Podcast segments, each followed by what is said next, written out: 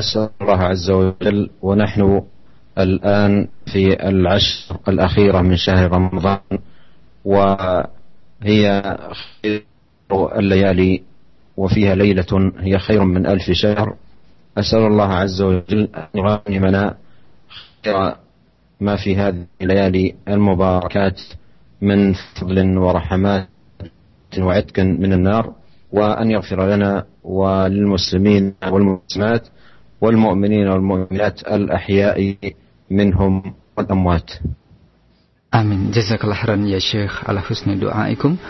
فالآن أيها المستمعون الكرام نستمع إلى درس مع فضيلة الشيخ. فليتفضل مشكورا يا شيخ. بسم الله الرحمن الرحيم. الحمد لله رب العالمين وأشهد أن لا إله إلا الله وحده لا شريك له وأشهد أن محمدا عبده ورسوله صلى الله وسلم عليه وعلى آله وأصحابه أجمعين. أما بعد لا زلنا أيها الإخوة الكرام في باب الوصية بالنساء. أورد الإمام النووي رحمه الله تعالى تحت هذه الترجمة حديث أبي هريرة رضي الله عنه قال قال رسول الله صلى الله عليه وسلم أكمل المؤمنين إيمانا أحسنهم خلقا وخياركم خياركم لنسائهم رواه الترمذي وقال حديث حسن صحيح. هذا الحديث معاشر المستمعين الكرام فيه دلالة ظاهرة على أن المؤمنين يتفاوتون في الإيمان وأنهم ليسوا فيه على درجة واحدة. وفيه أن حسن الخلق من كمال الإيمان وتمام وأن أكمل المؤمنين إيمانا أحسنهم خلقا. فيه أن الإيمان يتم ويكمل بالأخلاق الفاضلة والمعاملات الكريمة والمعاشرة الحسنة فكل ذلك مما يكمل به الإيمان. وهذا أيضا يدل دلالة أخرى على أن حسن الخلق من الإيمان. حسن الخلق من الإيمان. فالإيمان كما أنه يتناول العبادات المفروضة والنوافل والمستحبات فإنه أيضا في جملة ما يتناوله في مسمى حسن الخلق. وهذا يدلنا على المكانة العظيمة لحسن الخلق. ثم في شق الحديث الثاني يقول عليه الصلاة والسلام وخياركم خياركم لنسائهم. وهذا موضع الحديث للشاهد من حديث الترجمة حيث فيه الدلالة على حسن الخلق مع الأهل آه، آه، آه، معاملة بالحسنى ورفقا وتلطفا وإحسانا ومعاشرة بالمعروف. وأيضا يفيد الحديث أن الأقربون أولى بالمعروف. الأقربون أولى بالمعروف فإذا كان لديه معروف وإحسان تجاه الناس فالأقربون أولى به وأجدر ولهذا في الحديث الآخر قال من أحق الناس بحسن صحابتي؟ قال أمك. قال ثم من قال أمك؟ قال ثم من قال أمك؟ قال ثم من قال أبوك؟ فهذا يفيد آه، أن أن الأقربين أولى بالمعروف وأولى بالمعاملة الحسنة. أما أن يكون الإنسان يعامل الناس الآخرين بالمعاملة الجميلة والأسلوب الحسن. ثم إذا رجع إلى بيته عامل أهله بالمعاملة السيئة فلا شك هذا من الخطأ الكبير ومن آه، الإساءة في هذا الباب باب حسن الخلق لأن الأهل والأقارب أولى بالمعروف وأحق من آه، غيرهم Bismillahirrahmanirrahim. Segala puji bagi Allah Subhanahu wa taala, Rabb semesta alam. Aku bersaksi bahwasanya tidak ada sesembahan yang berhak disembah kecuali Allah, tidak ada sekutu baginya. Dan aku bersaksi bahwasanya Muhammad adalah hamba dan juga utusannya. Semoga Allah taala memberikan salawat dan salam kepada beliau dan keluarga beliau serta sahabat-sahabat beliau semuanya para pendengar yang dimuliakan oleh Allah taala, masih kita berada pada bab wasiat berbuat baik kepada kaum wanita.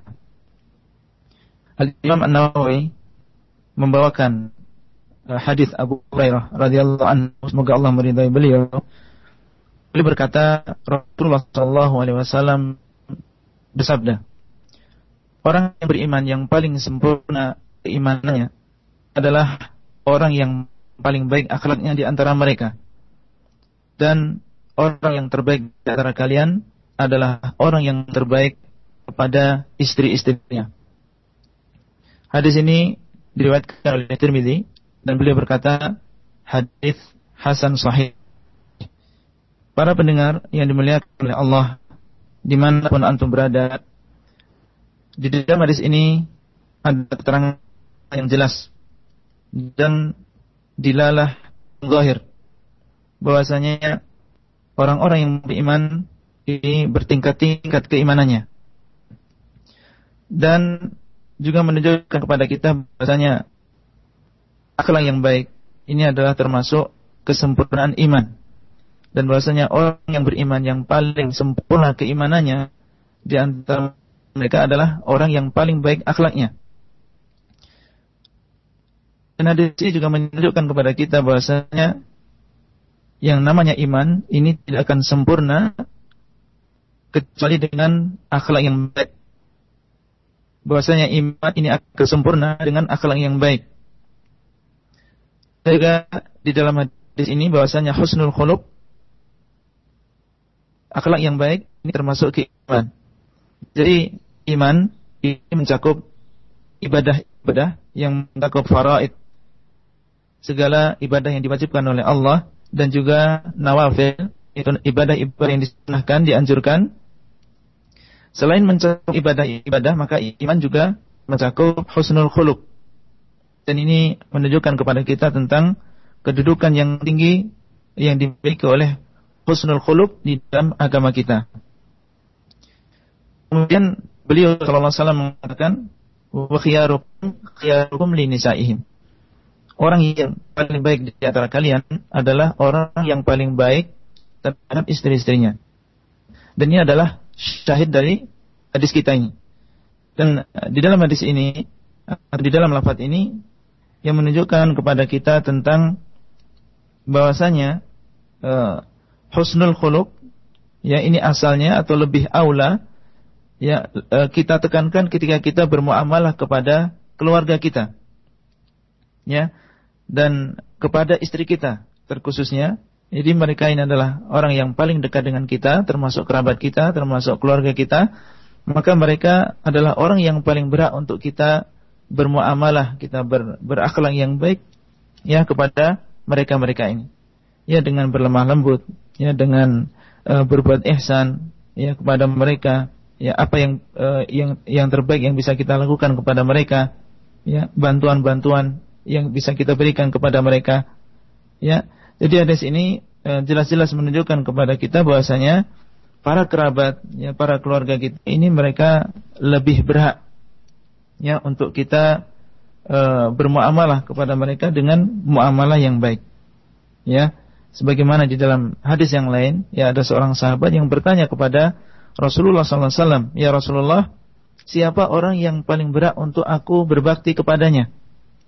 Ya beliau mengatakan ummuk, ya ibumu. Kemudian siapa? Ibumu.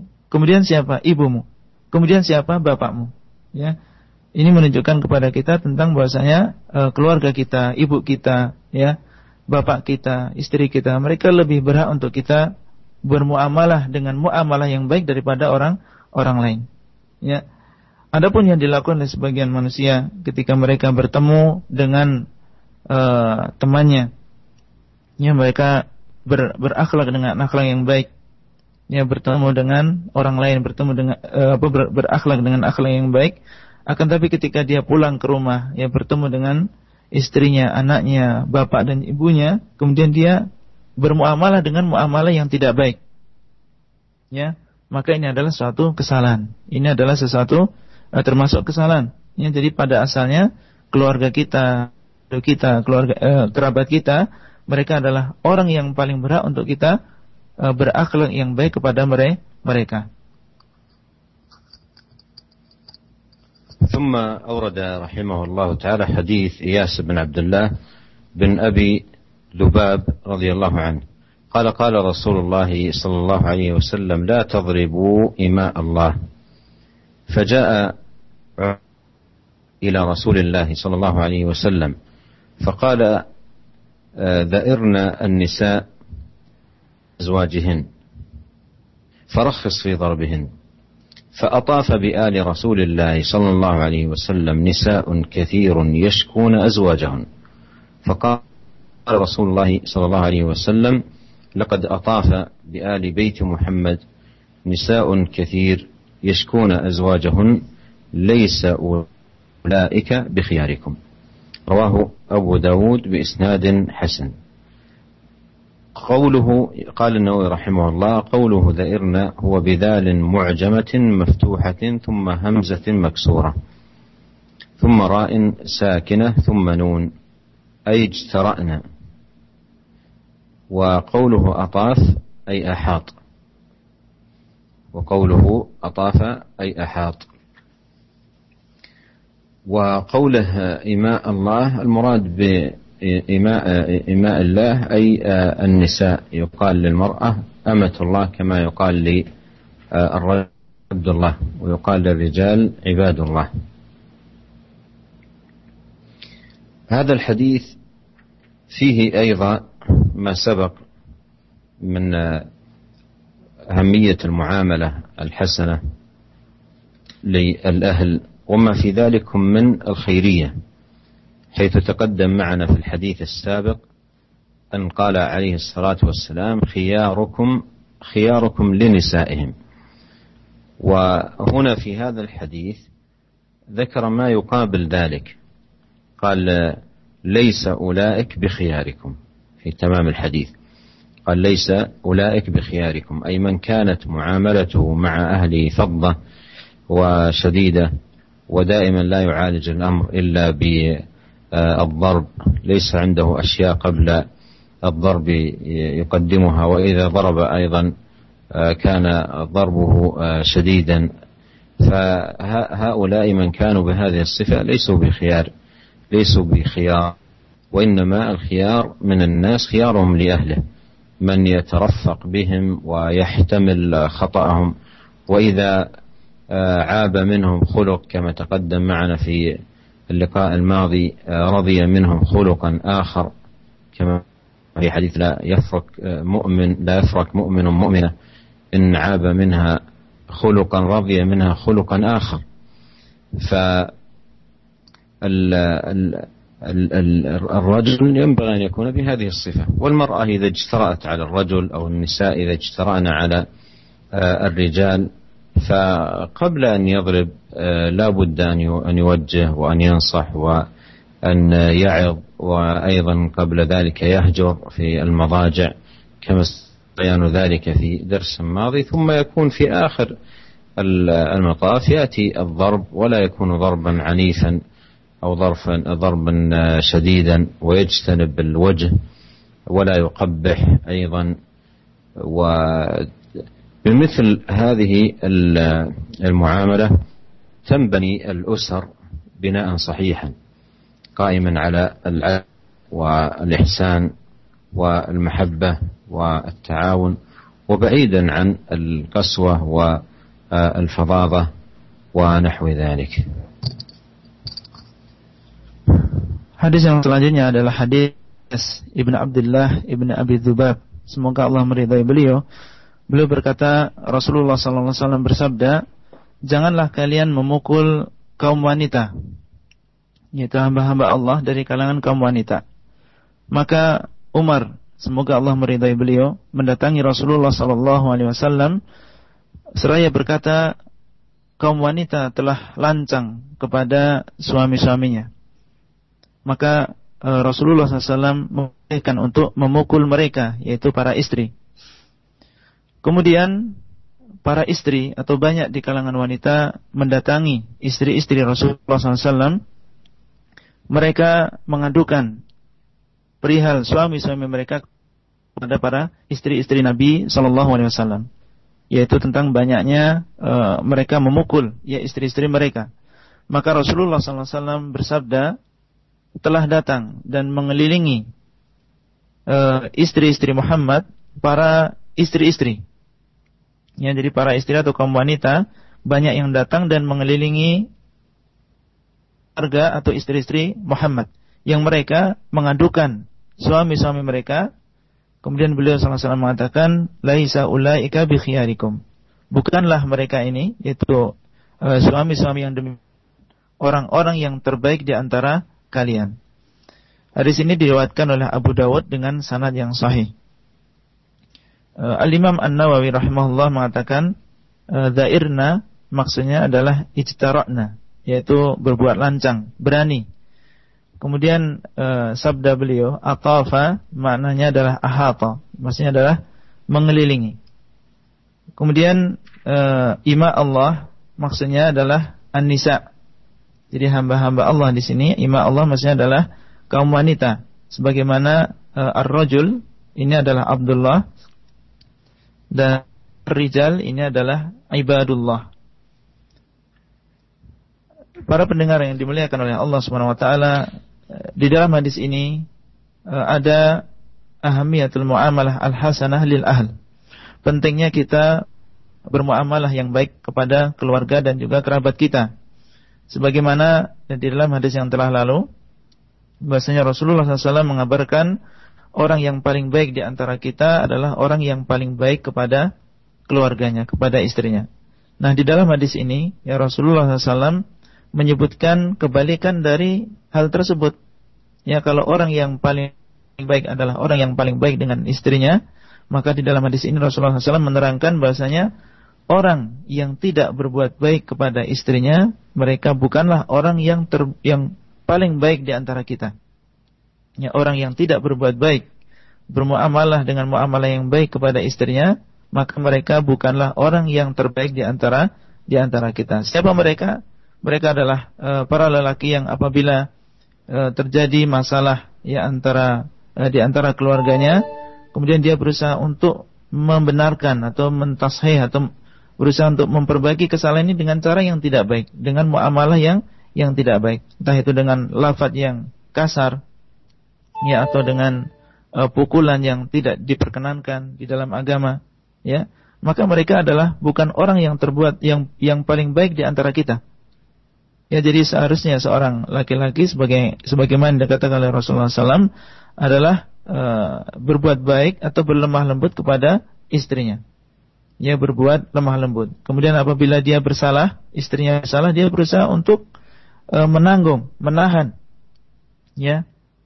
Dan hendaknya dia mengingat apa yang telah diwasiat Rasulullah SAW. Ya tidak boleh seorang uh, mukmin membenci seorang mukminah apabila dia Eh, membenci dari uh, istrinya sebuah akhlak, maka dia akan ridho akhlak yang lain. Ya. Dan tentu saja yang namanya kesalahan pasti tetap ada dan mungkin saja seorang wanita, seorang istri berbuat salah suatu saat atau lancang kepada kepada suaminya. Ya, tapi apa yang hendaknya dilakukan? Hendaknya dia yang pertama kali yang dilakukan adalah menasihati dengan baik.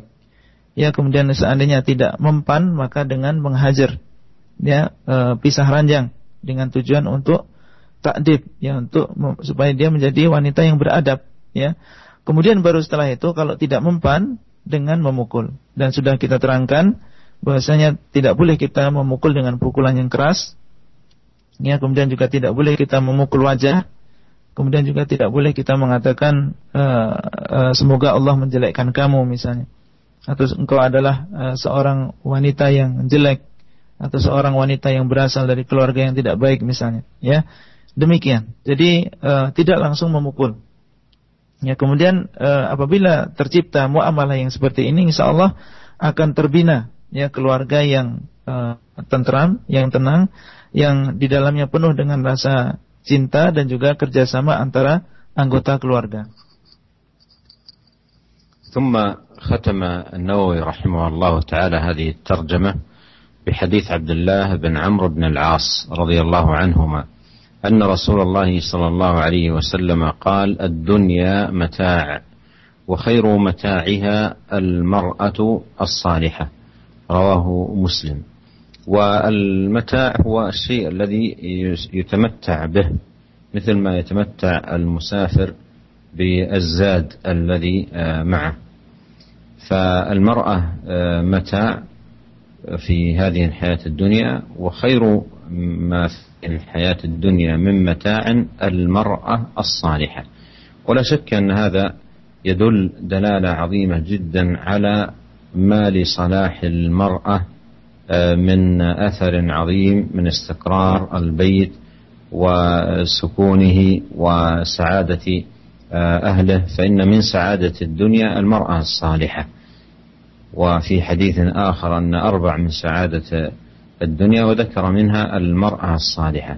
فلا شك أن وجود المرأة الصالحة آه، في البيت له الأثر الكبير جدا على البيت من حيث آه، استقرار الحياة الزوجية واستمرارها ودوام الوئام فيها وأيضا من حيث تربية الأولاد وتنشئتهم على الأخلاق الفاضلة والتحلي بآداب الإسلام.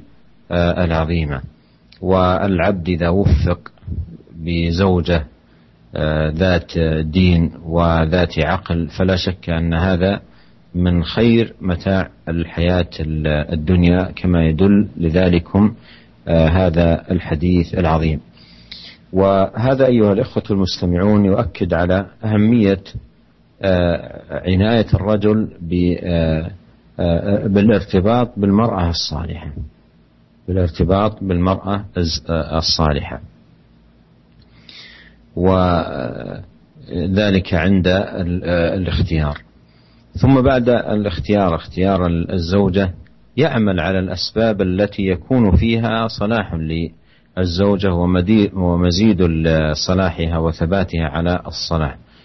ومن ذلكم أن يستقيم هو في نفسه على طاعة الله سبحانه وتعالى وأن يتقي الله عز وجل في نفسه وأهله.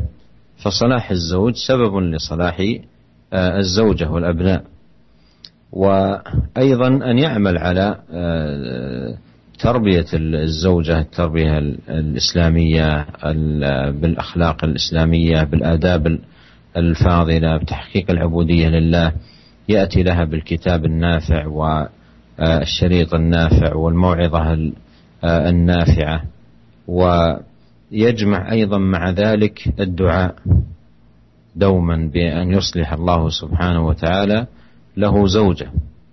وفي دعاء زكريا آه، آه، وفيما جاء في القرآن فيما يتعلق بمنة الله على زكريا قال وأصلحنا له زوجة. وأصلحنا له زوجة. ولا يمكن أن تصلح آه، زوج الإنسان إلا إذا أصلحها الله سبحانه وتعالى فإن الأمر بيده عز وجل. ثم إذا بدر من الزوجة في بعض الأوقات آه، أشياء من آه، المعاملة التي ليست جيدة أو شيء من سوء الخلق فعليه أن يحتمل ذلك لأنه آه، ليس هناك امرأة كاملة لا نقص فيها. لا بد من النقص فإن عاب منها خلقا رضي منها خلقا آخر. فبمثل هذا بإذن الله سبحانه وتعالى تتحقق هذه المعاني.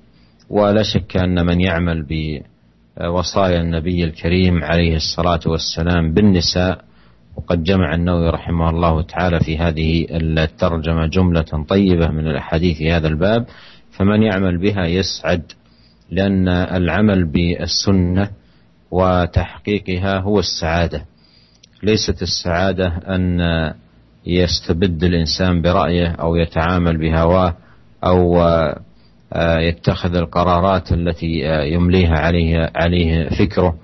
وإنما السعادة حقا باتباع النبي الكريم عليه الصلاة والسلام الذي لا ينطق عن الهوى إن هو إلا وحي يوحى.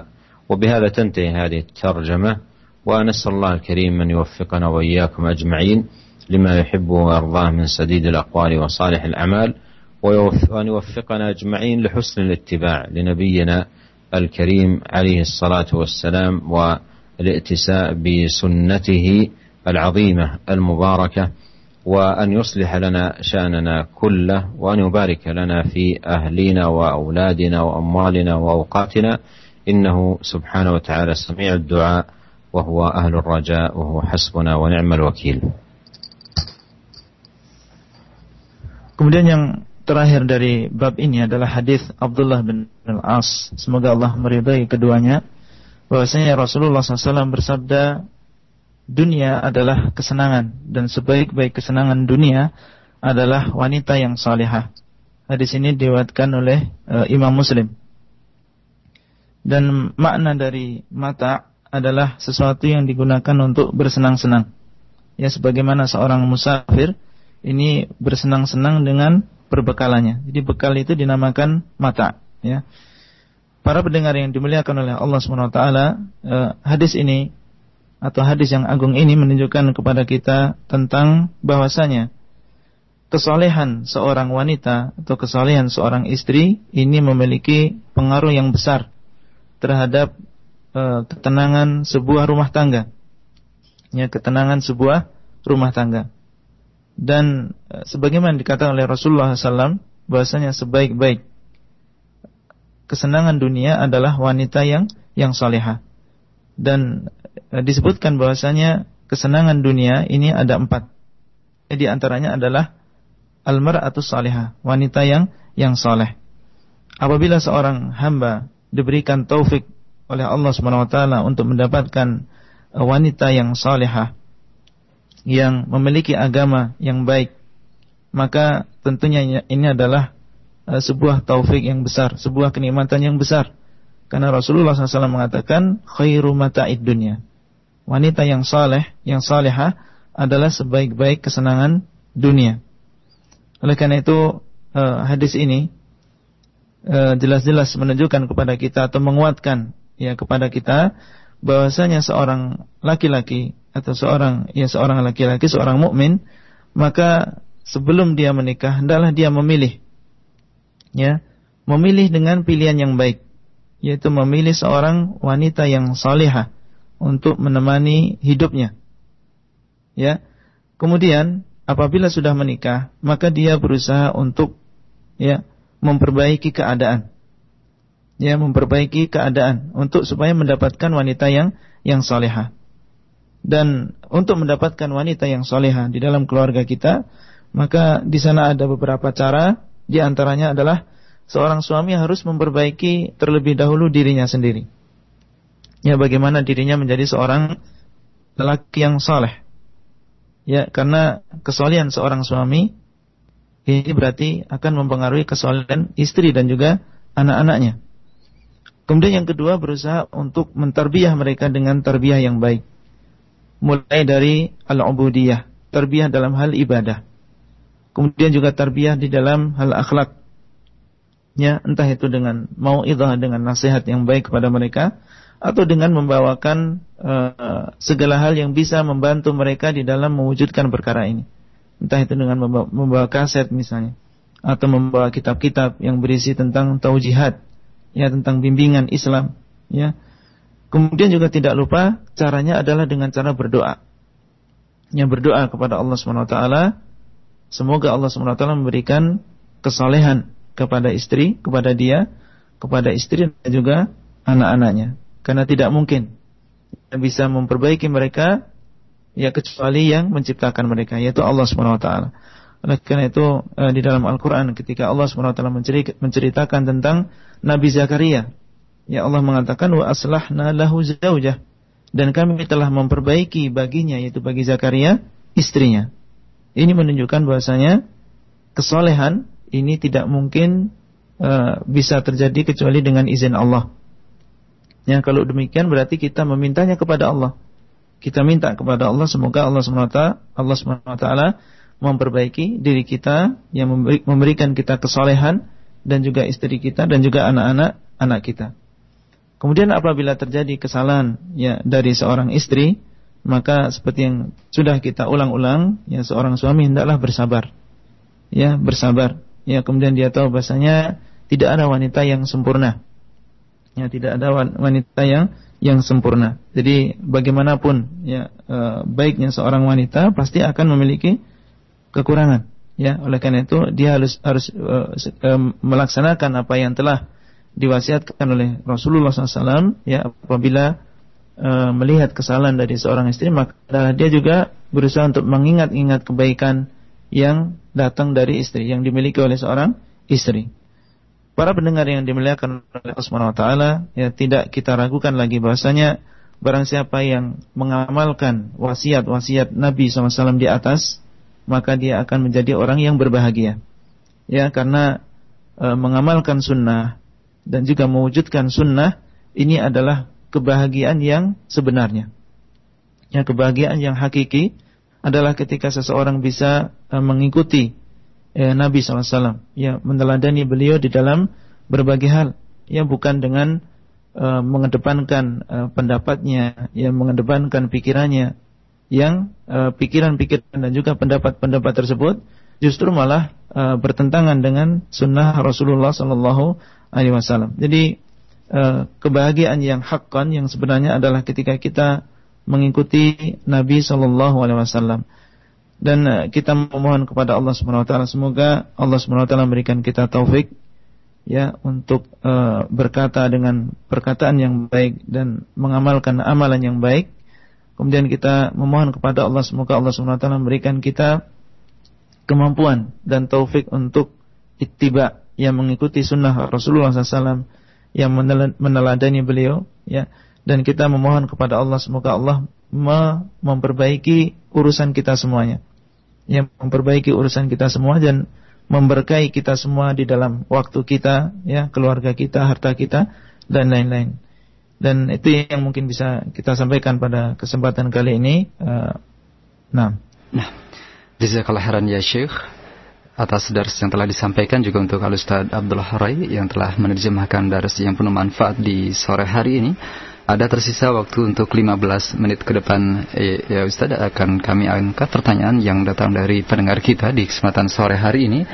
Dan pertanyaan pertama kami akan angkat dari pertanyaan pesan singkat dari Pak Iwan di Kalimantan Selatan yang bertanya, "Ya Syekh barakallahu fiik, bagaimanakah langkah yang baik yang harus kita ambil untuk berbuat baik dan berbakti kepada ibu dan orang tua kita?" Sedangkan kita sudah berkeluarga yang kadang terjadi adanya kontradiksi antara kita harus berbuat baik pada uh, orang tua kita dan juga harus berbuat baik pada uh, keluarga kita dalam hal ini istri dan anak-anak kita. Mana yang harus kita pilih lebih dahulu? Jazakallah khairan ya Syekh.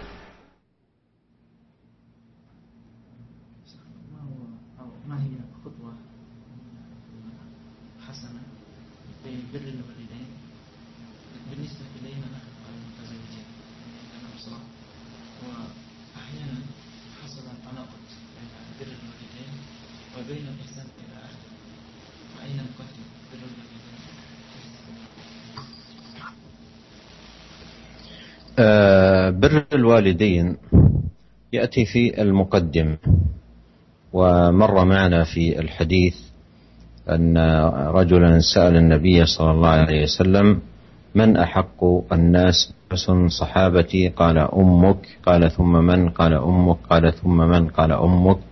قال ثم من؟ قال أبوك.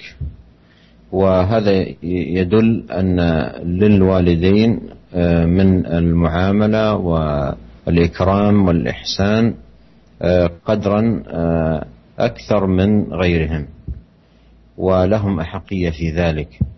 فهما اللذان جعلهم الله سبحانه وتعالى سببا لوجودك في هذه الحياة وهما من عمل على تربيتك وتنشئتك والأم بذلت جهدا عظيما في ذلك. بدءا بالحمل وأتعابه ومشاقه ثم الوضع وشدته حملته كرها ووضعته كرها ثم الرضاعة والمعاناة الطويلة ثم السهر على رعاية حالك ومتابعة أمرك. فهذا جميل لا ينسى ومعروف لا يضيع بل ينبغي على الأبناء أن يتقوا الله سبحانه وتعالى في أبويهم وأن يحرصوا على البر والصلة والقيام بحقوق الوالدين والحياة الزوجية ليست عائقا. الحياة الزوجية ليست عائقا والمرأة الصالحة تعين زوجها على البر. وتحثه على ذلك وتقف معه وقوفا عظيما في ذلك. أما المرأة غير الصالحة فهي التي تكثر زوجها في بره لوالديه وتعوقه عن الإحسان لوالديه. وهذا من جهل المرأة لأن في الحقيقة بر الرجل لوالديه ينعكس أثره على البيت نفسه بيت الزوجية من حيث الزوجة ومن حيث أيضا الأولاد.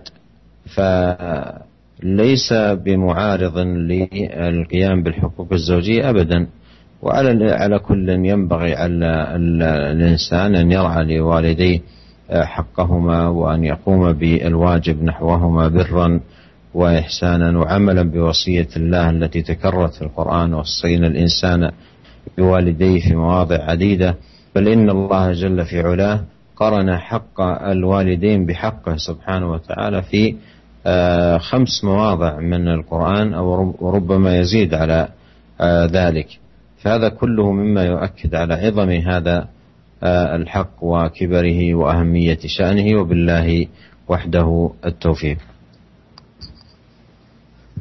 Ya, pertanyaan yang pertama dari Pak Iwan dari Kalimantan Selatan yang isinya tentang apa langkah yang terbaik yang ketika seseorang sudah e, berkeluarga kemudian dia dihadapkan dengan e, pertentangan antara berbuat baik dengan keluarga serta berbakti kepada orang tua. Ya, terkadang terjadi kontradiksi antara keduanya apa yang harus dilakukan oleh seseorang. Uh, Syekhuna hafizahullah taala menjawab bahwasanya birrul walidain yang berbuat bakti kepada kedua orang tua ini berada di bagian depan atau kita kedepankan. Sebagaimana uh, sabda Nabi sallallahu alaihi wasallam yang ketika beliau ditanya oleh seorang sahabi siapa orang yang uh, paling berhak kita berbakti kepadanya? Maka beliau mengatakan ibumu. Yang kemudian siapa? Beliau mengatakan ibumu. Kemudian siapa? Beliau mengatakan ibumu, baru setelah itu bapakmu. Ya ini menunjukkan bahasanya uh, orang tua memiliki uh, kadar yang lebih banyak ya di dalam kita berbakti kepada mereka, di dalam kita bermuamalah yang baik kepada mereka. Mereka punya uh, nasib, ya punya bagian yang paling yang paling banyak. Karena apa? Karena mereka adalah sebab keberadaan kita di dunia. Jadi Allah SWT menjadikan orang tua kita ini sebab adanya kita di di dunia. Dan mereka lah yang telah mendidik kita dari kecil. Ya, seorang ibu yang sudah e, mengeluarkan ya tenaga yang tidak sedikit. Ya di dalam mengandung kita, ya melahirkan kita, ya kemudian menyusui kita, ya kemudian kadang e, begadang untuk kemaslahatan kita. Dan tentunya ini semua adalah kebaikan yang tidak bisa kita lupakan ya kebaikan yang tidak bisa kita kita lupakan. Oleh karena itu uh, seseorang hendaknya dia berusaha untuk memperhatikan hak orang tua, menjaga bagaimana supaya dia bisa menunaikan hak orang tua kita. Dan kehidupan keluarga ya ini tidak menjadi penghalang untuk kita berbuat baik, berbakti kepada kedua orang uh, kedua orang tua kita. Karena justru ya seorang wanita yang salehah ya seorang wanita yang soleh. Apabila seorang eh, laki-laki mendapatkan taufik untuk mendapatkan wanita yang soleha maka wanita yang soleha ini akan membantu dia untuk birwalidain ya akan membantu suaminya untuk berbuat bakti kepada orang orang tuanya. Apabila wanitanya bukan orang yang soleha bukan seorang wanita yang soleh maka ini akan punya pengaruh juga ya, dalam bakti seorang laki-laki kepada kepada orang tuanya ya dan ini tentunya adalah termasuk kebodohan ya seorang wanita karena uh, hendaknya dia tahu bahwasanya seorang suami berbuat baik atau berbakti kepada kedua orang tua, maka ini asalnya ya pengaruhnya, bekasnya akan kita lihat di dalam kehidupan dia. Ya dalam kehidupan rumah tangganya. Ya muamal dia terhadap uh, istrinya akan membaik apabila seorang uh, laki-laki berbuat bakti kepada orang tuanya. Dan muamalah dia, terbiah dia kepada anak-anaknya juga akan baik apabila dia berbakti kepada kedua orang tuanya. Sebaliknya apabila seorang laki-laki ya dia justru durhaka kepada orang tua maka nanti bekasnya akan kelihatan di dalam rumah tangga seseorang ya ala kulli hal eh, hendaknya seorang eh, berusaha untuk menjaga orang tua dan dia hendaknya mengamalkan wasiat Nabi alaihi wasallam eh, wasiat Allah Subhanahu wa taala wasain insana biwalidahi ihsana. Ya dan kami wasiat kepada manusia supaya mereka berbuat baik kepada kedua orang tuanya. Dan Allah Subhanahu wa taala di dalam Al-Qur'an telah mendudukkan ya hak orang tua ini setelah hak Allah Subhanahu wa taala. Ya di dalam uh, lebih lima tempat atau lima ayat di dalam Al-Quran, ya Allah Subhanahu Wa Taala mendudukkan hak orang tua ini setelah hak Allah Subhanahu Wa Taala. Wabillahi taufik. Jazakallah khairan ya Syekh. Untuk selanjutnya uh, Ustaz kami akan angkat satu pertanyaan terakhir, soalan akhir ya Syekh di sore ini dari seorang ibu yang bertanya, Ya Syekh, uh, pada usia pernikahan saya yang uh, belum genap dua tahun, suami saya sudah berniat untuk berpoligami dengan seorang wanita yang dulu adalah mantan pacar dari suami, yang mereka sudah uh, berbuat fahisyah dan untuk menebus hal ini, suami uh, yang merasa berdosa ingin menjadikannya sebagai uh, istri dan berpoligami. Mohon nasihat pada Syekh apa yang harus saya lakukan uh, sehingga saya tidak sebagai seorang istri tidak berbuat dosa dan tidak berlebihan terhadap uh, masalah yang saya timpa uh, yang saya uh, yang menimpa saya. Jazakallah khairan ya Syekh.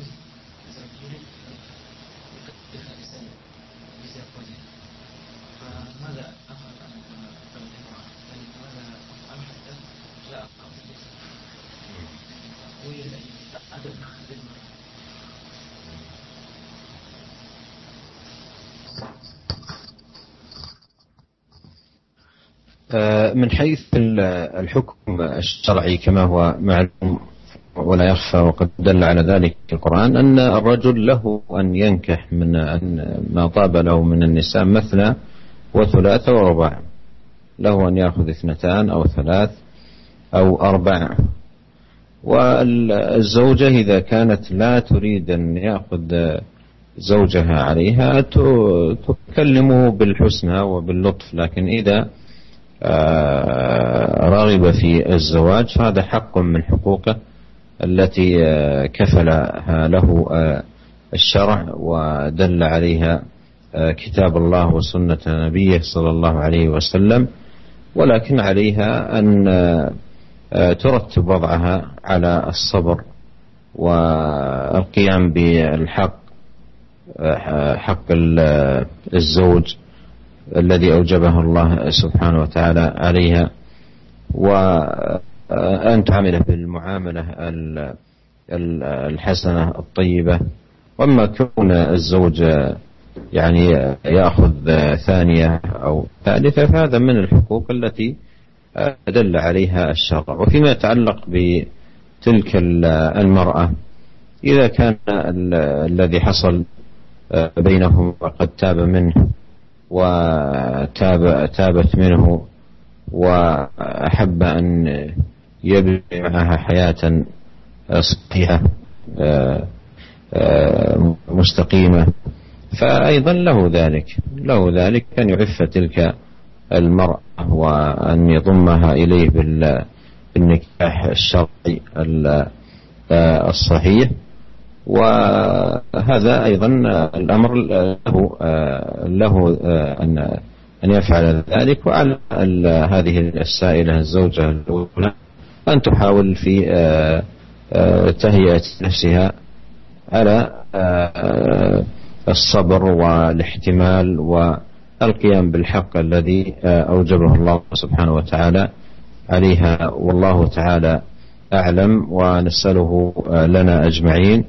أن يوفقنا لكل خير وأن يصلح لنا شأننا كله ولا يكلنا إلى أنفسنا طرف طرفة عين. وأسأله تبارك وتعالى أن يوفقنا أجمعين لإغتنام هذا هذه الأيام المباركة والليالي الفاضلة. أن يوفقنا لاغتنام ليلة القدر.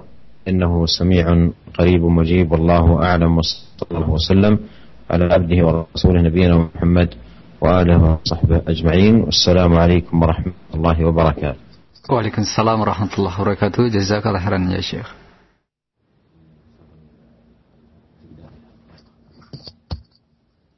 Eh, kemudian pertanyaan kedua dari seorang ibu, ya, rasanya di dalam usia pernikahan beliau yang belum genap dua tahun, uh, suaminya berniat untuk poligami dengan bekas pacarnya yang pernah berzina dan uh, hal yang demikian untuk menebus apa yang telah dia lakukan.